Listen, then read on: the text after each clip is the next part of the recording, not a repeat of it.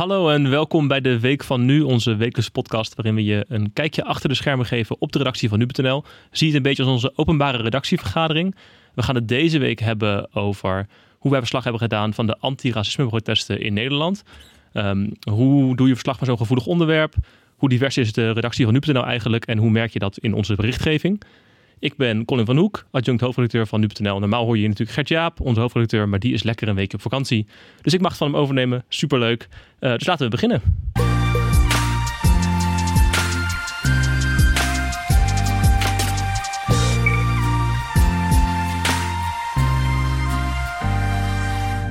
Julien, welkom. Ja, je, bent, je bent terug van vakantie, hè? Ik ben net terug. Uh, ik wissel Gertjaap, uh, Gertjaap en ik wisselen elkaar een beetje af, als het ware. Ja, lekker. Het was uh, een fijn weekje, moet ik zeggen. Goed, extra scherp nu vandaag? Nou, dat is wel de bedoeling. Zeker met een onderwerp als dit natuurlijk mag dat niet ontbreken. En we hebben ook hele leuke gasten. Zeker, want wij zitten bij elkaar in een ruimte op veilige afstand. Maar digitaal aangeschoven is onder andere Job van der Plicht. Onze verslaggever Binnenland. Job, welkom. Dankjewel. En uh, Michael Royal, de man met de mooiste achternaam van de redactie en redacteur op Algemeen. Hallo. Welkom uh, Michael. Um, en meteen maar even benoemen. Uh, we zitten hier met vier witte mannen die het gaan hebben over racisme. dat is natuurlijk gek. we hadden ook graag een representatieve expert gehad. We hebben er heel veel benadrukt, maar het, het is helaas niet gelukt. Ik heb wel met een um, aantal redacteuren van Nu.nl gesproken van niet-westerse komaf. zodat die stem ook vertegenwoordigd is in dit gesprek. dat wilde ik nog even van tevoren zeggen. Um, maar laten we beginnen, uh, uh, Michael en Job. Jullie zitten hier omdat jullie uh, geweest zijn bij de protesten de afgelopen week in Den Haag en Rotterdam. Um, Michael, ik wil met jou beginnen. Jij was in Den Haag. Hè? Dat was een van de eerste protesten die na Amsterdam plaatsvond, volgens mij. Ja, klopt. Maandag vond het protest in Amsterdam op de Dam plaats. Daar is toen veel ophef over gekomen. Zo'n 5000 mensen die geen afstand konden houden. En nou, dat loopt eigenlijk nog steeds, hè? We hebben onlangs zijn de appgesprekken um, tussen Femke Hassema en Vert Grappenhuis openbaar gemaakt. De burgemeester van Amsterdam en minister van Justitie. Ik weet niet, jullie hebben die ook gelezen. Dat was wel. Uh... Ja, zeker. Ik vond het eh, onmerkelijke communicatie. Uh, uh, ja, mooi inkijkje. Ja. En, um, nou, en ik ben dus, ik ben dus naar het protest gegaan in, in Den Haag. En um, op dat moment was het natuurlijk heel erg de vraag van... oké, maandag ging het vooral om de, um, om de afstand. Um, in Amsterdam, ja. In Amsterdam, van oké, zo'n protest... Het, eigenlijk het eerste echt grote protest sinds het uitbreken van de coronapandemie. Uh, op de eerste dag van de versoepelingen, de terrassen gingen open... En uh, er werd gelijk uh, ruimte gepakt op de Dam. Ja. En dan was het... hoe, ga je dan, hoe ga je dan naar Den Haag toe als je dat in je achterhoofd hebt? Is, was dat dan eigenlijk uh, het verhaal wat je daar ook wilde gaan vertellen? Um, nou, ik zat heel erg uh, natuurlijk ook te kijken naar wat er in Amerika aan het gebeuren was. En ik was ook wel onder de indruk van hoeveel mensen er waren. En ook al had ik er wel, net als denk ik uh, de meeste mensen, en ik denk ook wel mensen die daar op de dam stonden, gemengde gevoelens over. over dat het zo druk was. Maar ik had ook het gevoel dat na maandag uh, het coronadebat, dus het afstanddebat um, over wat er gebeurd was op de Dam, uh, misschien wel de boodschap van waarom die mensen daar stonden overschaduwde. En dat ja, had ik een beetje... Het, het, dat het feit dat het zo'n grote menigte was dat er geen afstand gehouden kon worden, zegt ook wel iets. Hè? In Nederland uh, zie je niet heel vaak van dit soort enorme demonstraties. Um, dus jij wilde eigenlijk uh, meer het verhaal van de demonstratie zelf vertellen in Den Haag.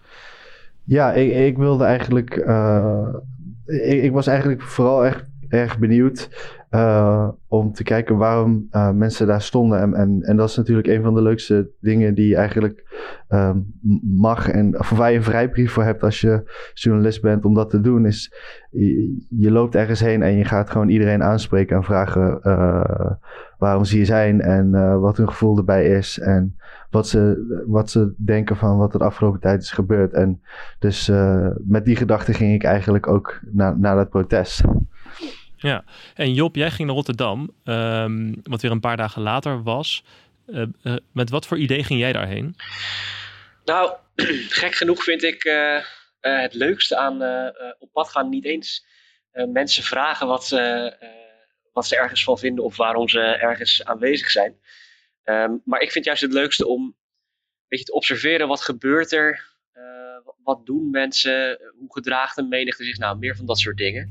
Het sfeerverslag is dan meer jouw insteek of meer jouw... Ja, misschien wel inderdaad, ja.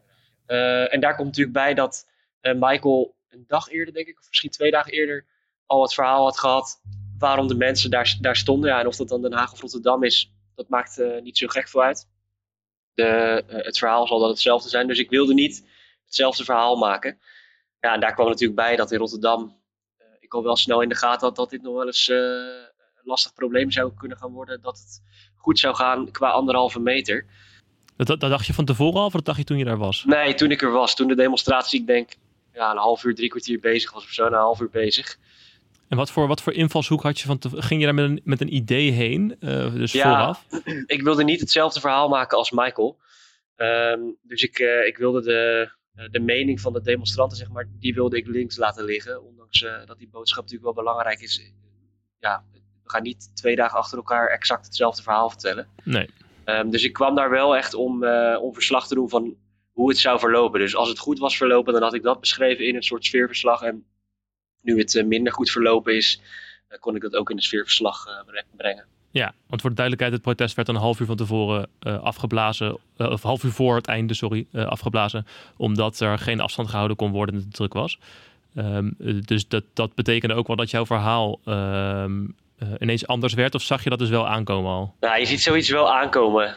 Ik heb, um, om jullie een beeld te geven, het protest was aan de, de noordkant van de Erasmusbrug, in Rotterdam dus. En um, ik, ik kwam daar aan, een half uur van tevoren. Nou, toen zag alles er prima uit. Uh, anderhalve meter kon ruimschoots in acht worden genomen. ik ben toen vervolgens de hele Erasmusbrug overgelopen om te kijken hoe het aan de overkant was. Daar stond ook een podium.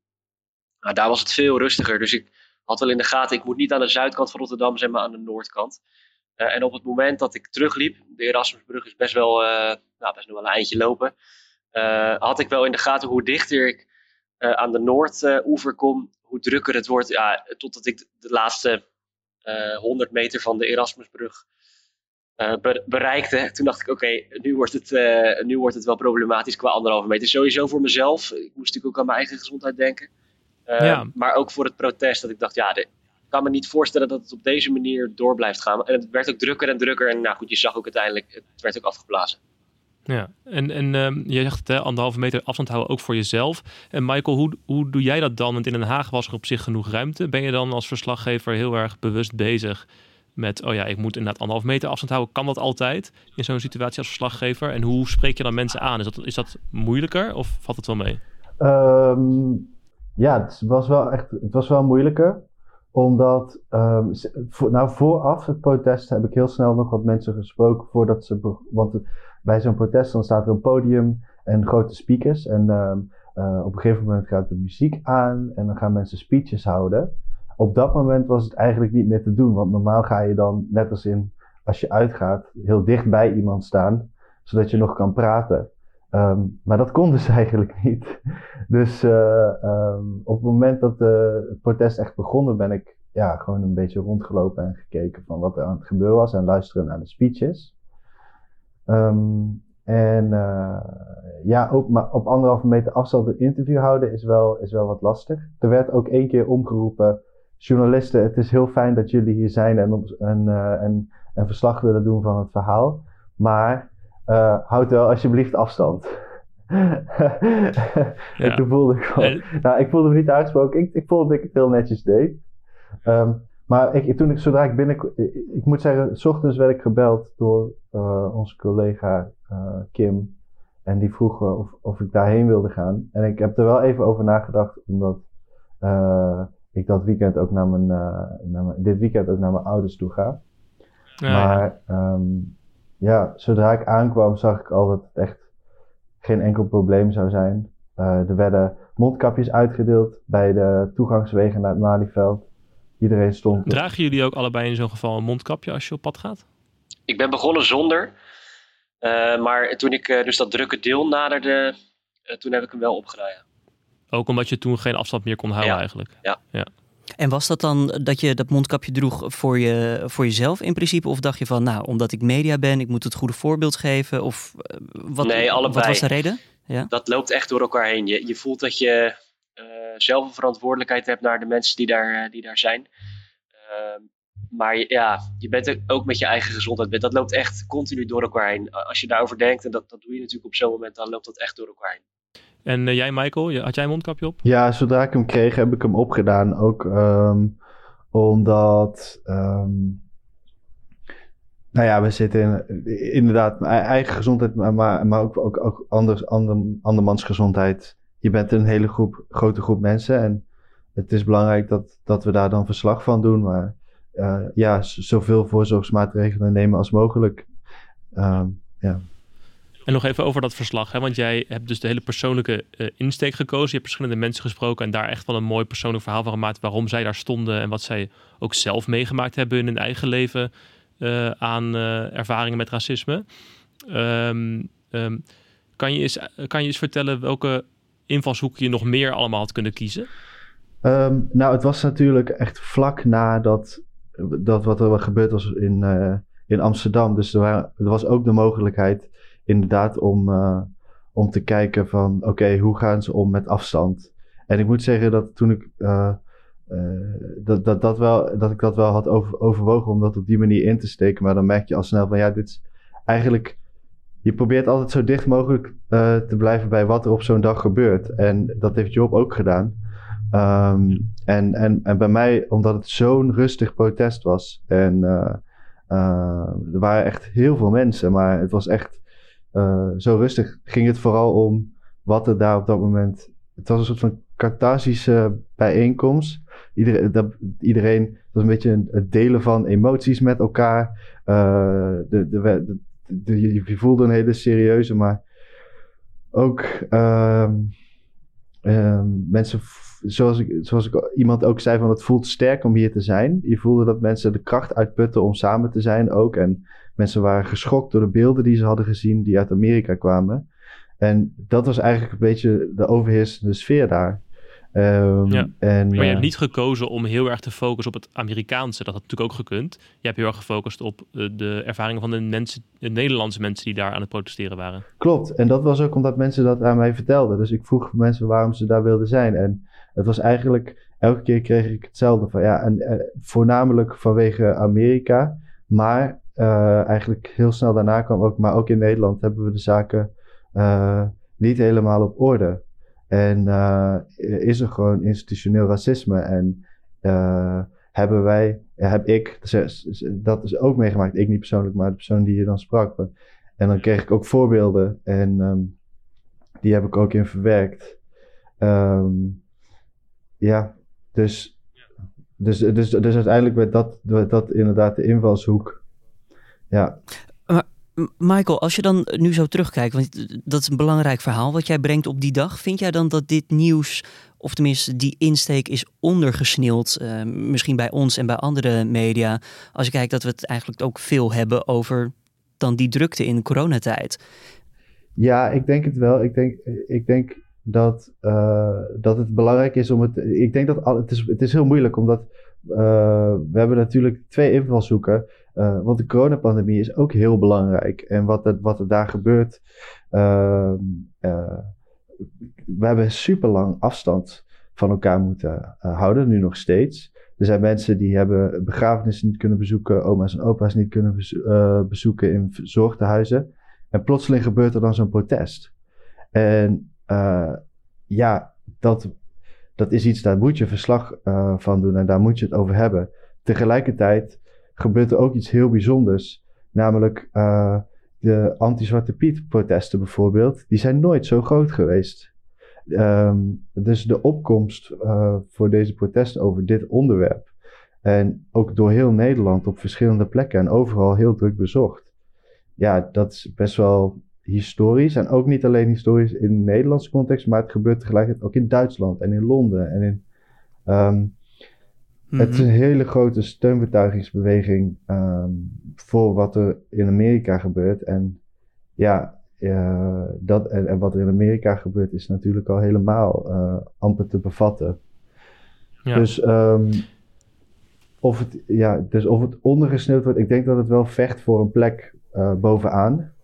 Uh, ze zijn niet gelijkwaardig, denk je? Als in, ze, zijn niet, ze krijgen niet gelijke aandacht op het moment? Of? Ik denk dat wij, uh, ik denk dat journalisten, die hebben natuurlijk bepaalde uh, criteria. En ik ben wel benieuwd wat Job ervan van vindt. Um, criteria waar je kiest van oké, dit is het nieuws en, en, en, en dit is hoe we het, hoe we het insteken. Maar soms um, Um, moet je dan, als er dan iets gebeurt dat zo bijzonder, uh, bijzonder is, moet je dan, uh, kun je dan ook gaan afwegen, oké, okay, um, strijdt dit niet ook voor uh, een, een, een, plekje aan, aan, aan, aan, aan de, in de eerste zin van een stuk? Of is dit niet de invalshoek die we moeten nemen? Hoe zie jij dat, Job? Ben je bewust met dit soort afwegingen bezig? Nou, ik denk dat dat best wel lastig is, om dat goed te kunnen bepalen. Ehm, ik vond op, op het moment dat ik in Rotterdam was, vond ik het uh, meest belangrijke uh, hoe dat protest zou gaan verlopen uh, met die anderhalve meter. maar heel eerlijk gezegd, dat komt misschien ook omdat ik een witte verslaggever ben, een witte man. en als ik, een zwart, als ik een zwarte man zou zijn geweest, had ik misschien wel een andere invalshoek gekozen. Natuurlijk probeer je te verplaatsen in de ander. Maar, uh, en dat zal Michael ook ongetwijfeld gehoord hebben.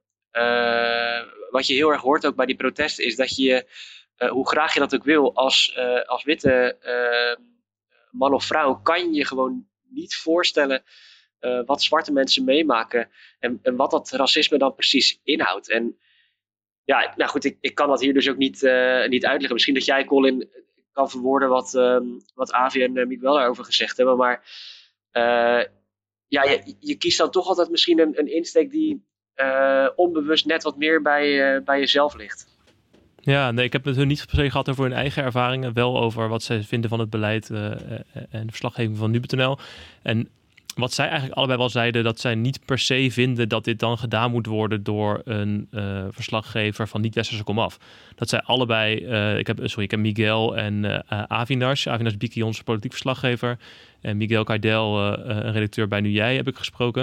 En zij zeiden allebei, het hoeft niet per se zo te zijn dat je slechter verslag krijgt als je daar een witte man heen stuurt. Je krijgt er misschien wel een ander verslag van. Dus dat, dat bevestigen zij ook wel.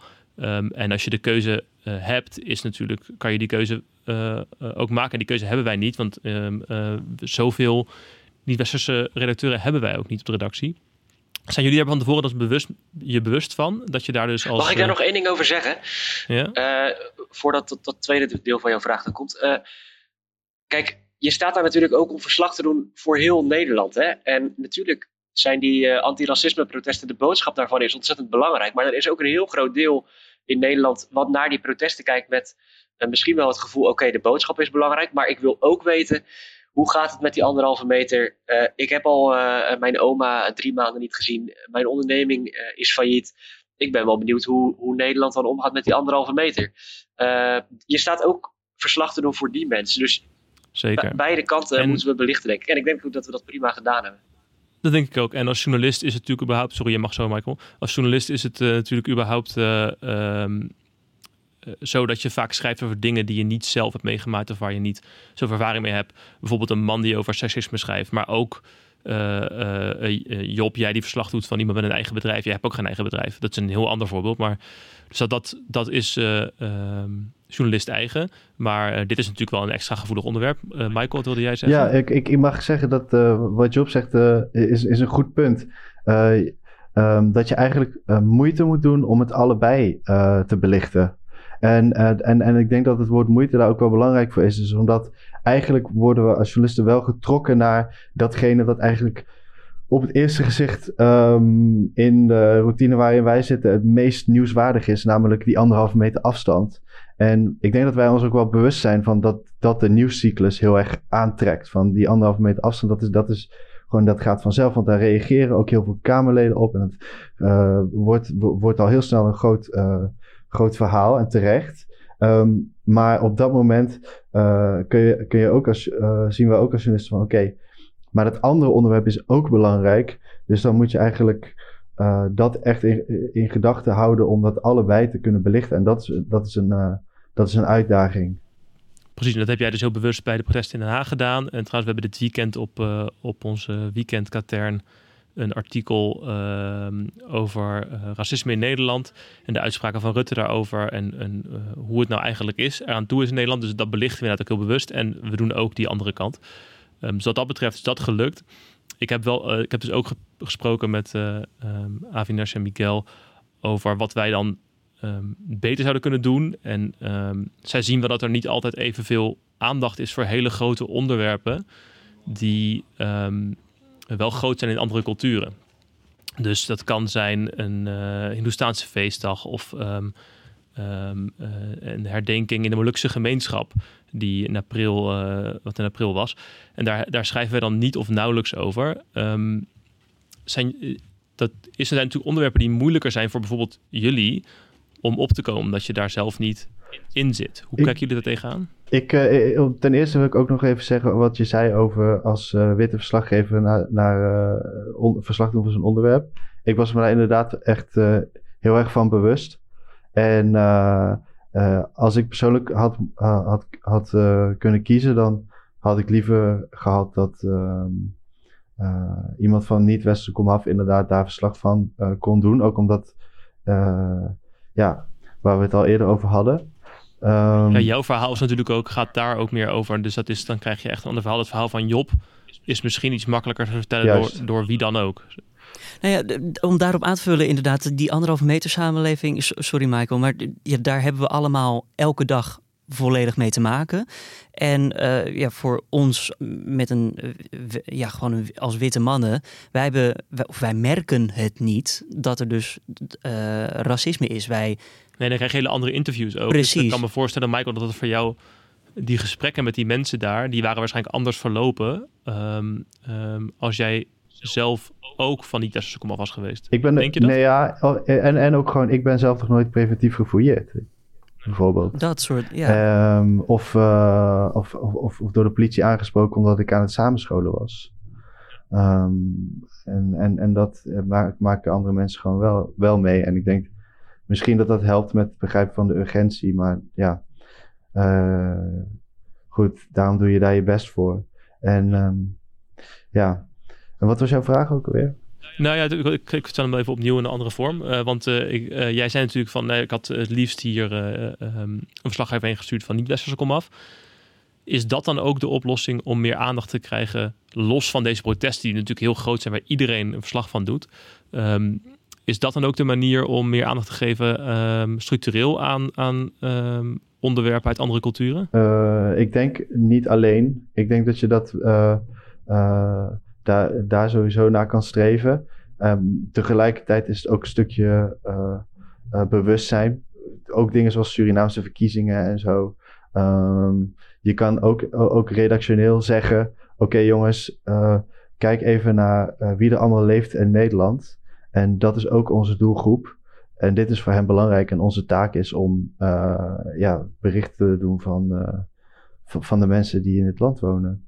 Voor de mensen die in het land wonen. Dus ja, en, en, en dat kan gecombineerd gaan inderdaad met, uh, wat ik denk, ja, met, met diversiteit. Jij, Job, jij? Nou, in de meest ideale situatie, en ik denk dat het bij ons zeker niet het geval is, maar in de meest ideale situatie bestaat je redactie uh, uit een volledige afspiegeling van de Nederlandse samenleving. Dus wat Michael zegt, uh, je, je moet er eigenlijk voor zorgen dat uh, het percentage dat in Nederland wit is, op je redactie ook wit is. Het percentage dat, dat zwart is, net zo. Maar ook ja. dat je kijkt naar religie en naar geaardheid en meer van dat soort dingen in de ja, wat ik zeg, het, het mooiste zou zijn als dat een volledige afspiegeling is. Ja. Ik denk dat dat een utopie is om dat te bereiken, want dat is simpelweg ja, ook waarom? gewoon niet haalbaar. Uh, omdat je nooit helemaal gelijk uitkomt, dat, dat kan niet. omdat het praktisch niet haalbaar is. Maar dan moet je ervoor zorgen, dat, dat helpt misschien ook al wel. Als je mensen hebt die misschien zelf niet een bepaalde groep vertegenwoordigen, maar die wel mensen kennen uh, of dichtbij uh, een groep staan die misschien wat, wat minder belicht wordt op nu.nl. Op die manier kom je wel inderdaad tot nieuwe verhaalideeën. Nou, bijvoorbeeld wat jij zei, jij zei over een Hindoestaanse feestdag. Ik zit daar niet zo heel goed in, maar misschien zijn er wel mensen op de redactie die, die, die getrouwd zijn met een vrouw die afkomstig is uit die cultuur. Of, of die een buurman hebben uit die cultuur. Nou, weet je, op, op die manier kom je misschien tot een wat diverser beeld op je redactie. Ja. Colin, want hoe zit dat dan bij ons met diversiteit op de redactie? Volgens mij wilde je daar naartoe. Wil ja, je daar klopt. iets over zeggen? Nou, we zijn eigenlijk sinds vorig jaar daar wel echt serieus mee bezig. We hebben hier ook als uh, uh, leidinggevende bij NUPNL een training gehad in uh, diversiteit en inclusiviteit. En um, zijn eigenlijk met drie dingen aan de slag gegaan. Hè? Dus hoe divers is eigenlijk onze redactie? Um, hoe zit het met de cultuur? Hoe zit het met het brongebruik op nu.nl en hoe zit het met het beeldgebruik op nu.nl? Die vier dingen zijn we eigenlijk gaan aanpakken. En eigenlijk degene die het nog het minst goed gelukt is tot nu toe, is diversiteit op de redactie. Um, want uh, Job, jij zei, misschien moet je een afspiegeling proberen te zijn van de samenleving. Nou, in Nederland is 14% van de inwoners niet-westers, of van een niet-westerse komaf. Um, um, en dat is op de redactie maximaal iets van 5% geloof ik. Zitten we echt ver vanaf. En als je bijvoorbeeld kijkt naar migratieachtergrond, hè, dat kan ook wel westers zijn. Dat is zelfs 24% in, in Nederland. En daar zitten wij ook rond de 5 of 6% geloof ik. Dus dat, uh, daar zitten wij helemaal nog niet op. En dat is ook wel iets wat we onszelf aanrekenen. We hebben doelen gesteld uh, vorig jaar. Um, die gaan we dit jaar, ben ik bang, niet halen. Maar daar leren we ook van. Ik had het daar met Avi ook over. Die doelen hebben is, is in principe al goed. Want nu halen we ze niet. En dan gaan we dus nadenken, wat moeten we dan blijkbaar beter doen? Want blijkbaar is het nog niet gegaan zoals we wilden. Um, we zijn de afgelopen tijd ook bezig geweest met brongebruik en beeldgebruik. Om wat diverser te krijgen. Wat hebben jullie daar zelf van gemerkt, uh, Job en Michael? Uh, nou, het valt mij wel op dat, er, uh, dat het beeldgebruik wel wat diverser aan het worden is. brongebruik durf ik niet zo te zeggen. Ja, ik, ik heb dus de vraag gekregen: heb jij binnen je, je contactpersonen mensen die die niet westers zijn of zo. Eh, mhm. Zodat we die ook vaker als bron kunnen gebruiken. Eh, maar verder, ja, moet ik eerlijk zeggen, is dat me nog niet heel erg opgevallen. Maar misschien ben ik er ook niet zo mee bezig eh, als jullie. Dat, dat zou kunnen.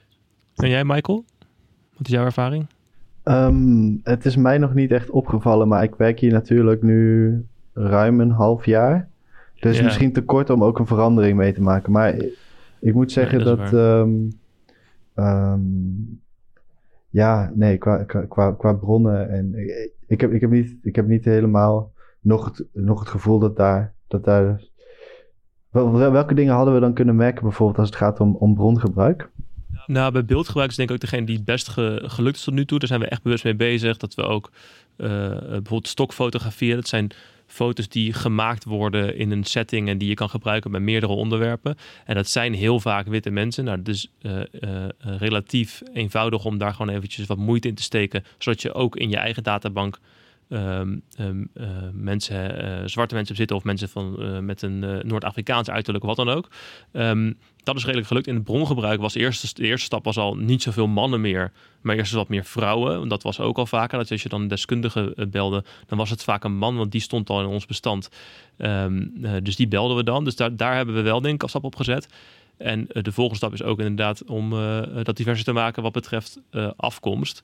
Um, dat, dat ligt grotendeels bij de redactie zelf en bij de, bij de verslaggevers. Uh, maar ik hoor nu al dat we dat beter moeten doen, blijkbaar. Um, nou, Als ik zo hoor ook van Job.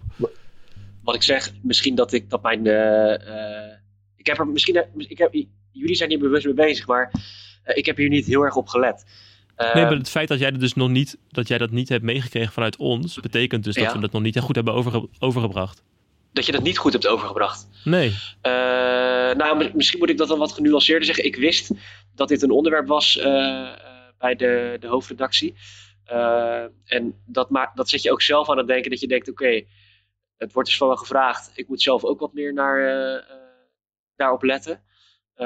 overigens, de, de man-vrouw verhouding, die zie ik wel verschuiven. Ik, ik vergat dat net te zeggen, maar dat, dat zie ik wel. en de rest, ik, ja, dat is wel goed. Ik zal er eens op gaan letten. Kijk, meteen hebben we al een goed punt. En trouwens, over de man-vrouw verhouding van de redactie. Die is, die is wel uh, um, op de meeste redacties goed. Over het algemeen ook goed. Um, alleen bijvoorbeeld, je hebt een aantal redacties die daar uh, negatief in uh, uitblinken. Dat is bijvoorbeeld de sportredactie. Waar onze chef sport, Daan Smink, wel echt mee bezig is ook.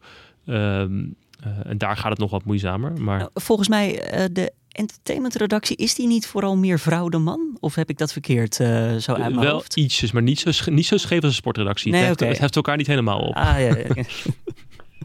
Alge- ja, Ehm, ook een goede verdeling. Vol- volgens mij, ik heb het idee dat het inderdaad overal een goede verdeling is wat betreft man-vrouw. eh.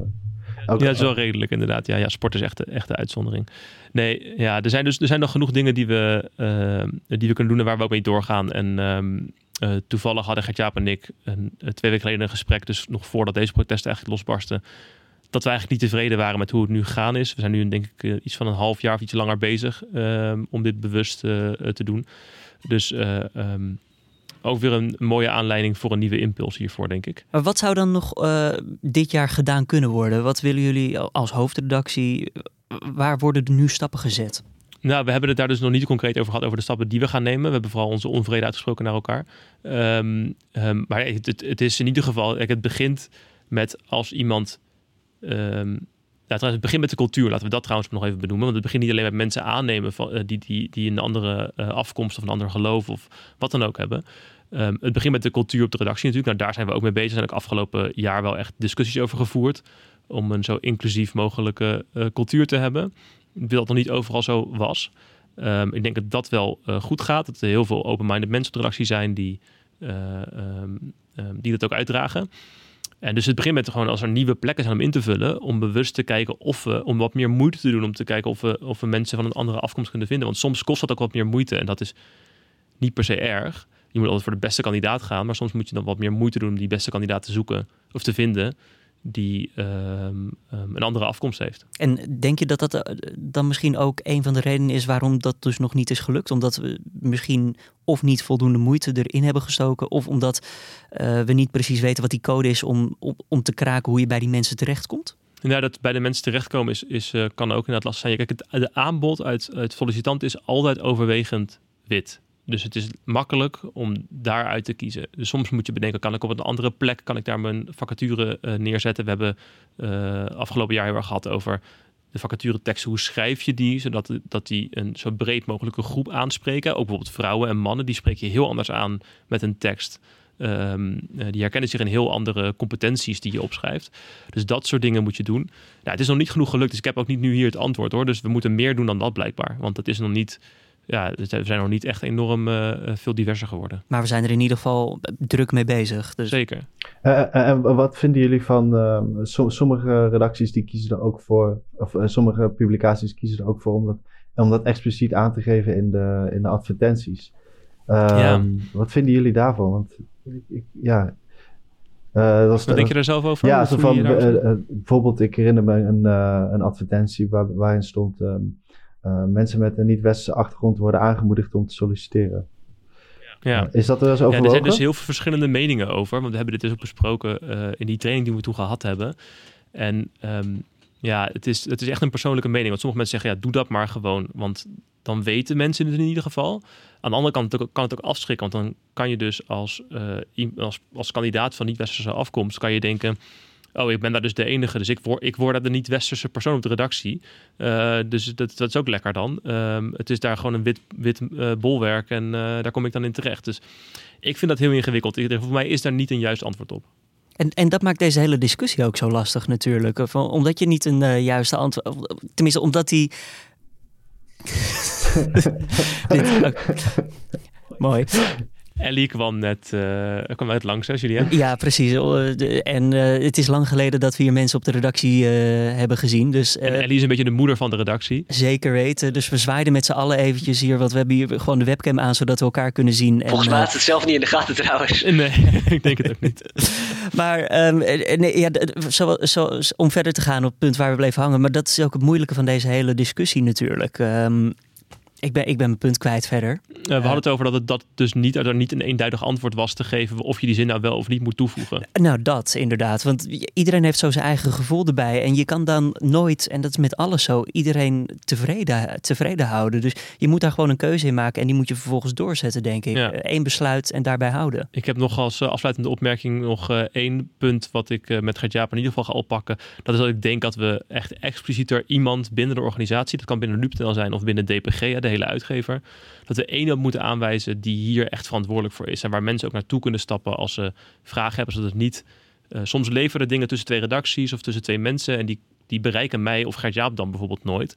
Dus er moet gewoon één iemand zijn die dit op gaat pakken. Ik denk dat dat ook kan helpen. Bedoel je dan een soort vertrouwenspersoon? Ja, nou niet eens per se vertrouwenspersoon, maar gewoon iemand die zich hard maakt voor diversiteit. Dus die daar achteraan gaat, maar die dus ook het aanspreekpunt is als er een keer iets misgaat. Ehm, en die daar gewoon heel bewust mee bezig is en dat niet um, er eventjes bij doet uh, één dag uh, in het kwartaal. maar die daar echt elke week uh, naar kijkt. Ik denk dat dat kan helpen.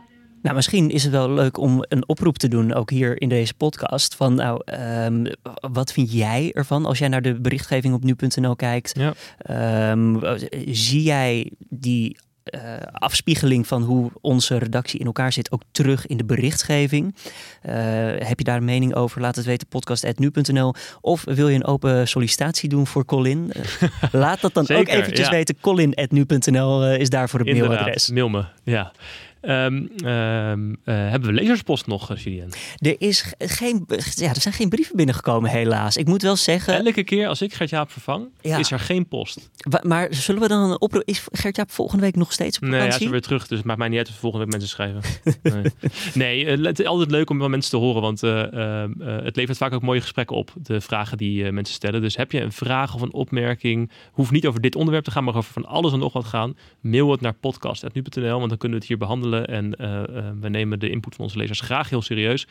En wat ik zeg, het levert soms mooie discussies op. Nou, zeker. Uh, en laat verder ook altijd je mening weten natuurlijk onder de berichten. Hè. Via Nu Jij, hartstikke tof. om, en daar ontstaan ook hele mooie discussies die we ja, soms hier uitpluizen. Zoals vorige week, als je die aflevering van de week van nu nog hebt, of tenminste hebt gemist, luister die ook zeker even terug. Gaat over beeldvorming. Ook een ja, zeer relevant punt die je eigenlijk ook ziet terugkomen bij de protesten. Neem je nou een foto van voor of van de zijkant? Is iets nou druk of valt het allemaal wel mee? En uh, nou jongens, daar hebben jullie ook mee te maken met verslaggeving. Maar goed, dat hebben we vorige week behandeld. Dus ja. luister die aflevering zeker nog een keer terug. Job, Michael, heel erg bedankt. En uh, uh, succes bij de volgende verslaggeving. Dankjewel. Doei. En voor de verdere berichtgeving van de protesten die nog gaan komen, uh, vrijdag en dit weekend kan je natuurlijk uh, terecht op nu.nl. En volgende week zit Gert Jaap hier weer. dus hopelijk tot dan.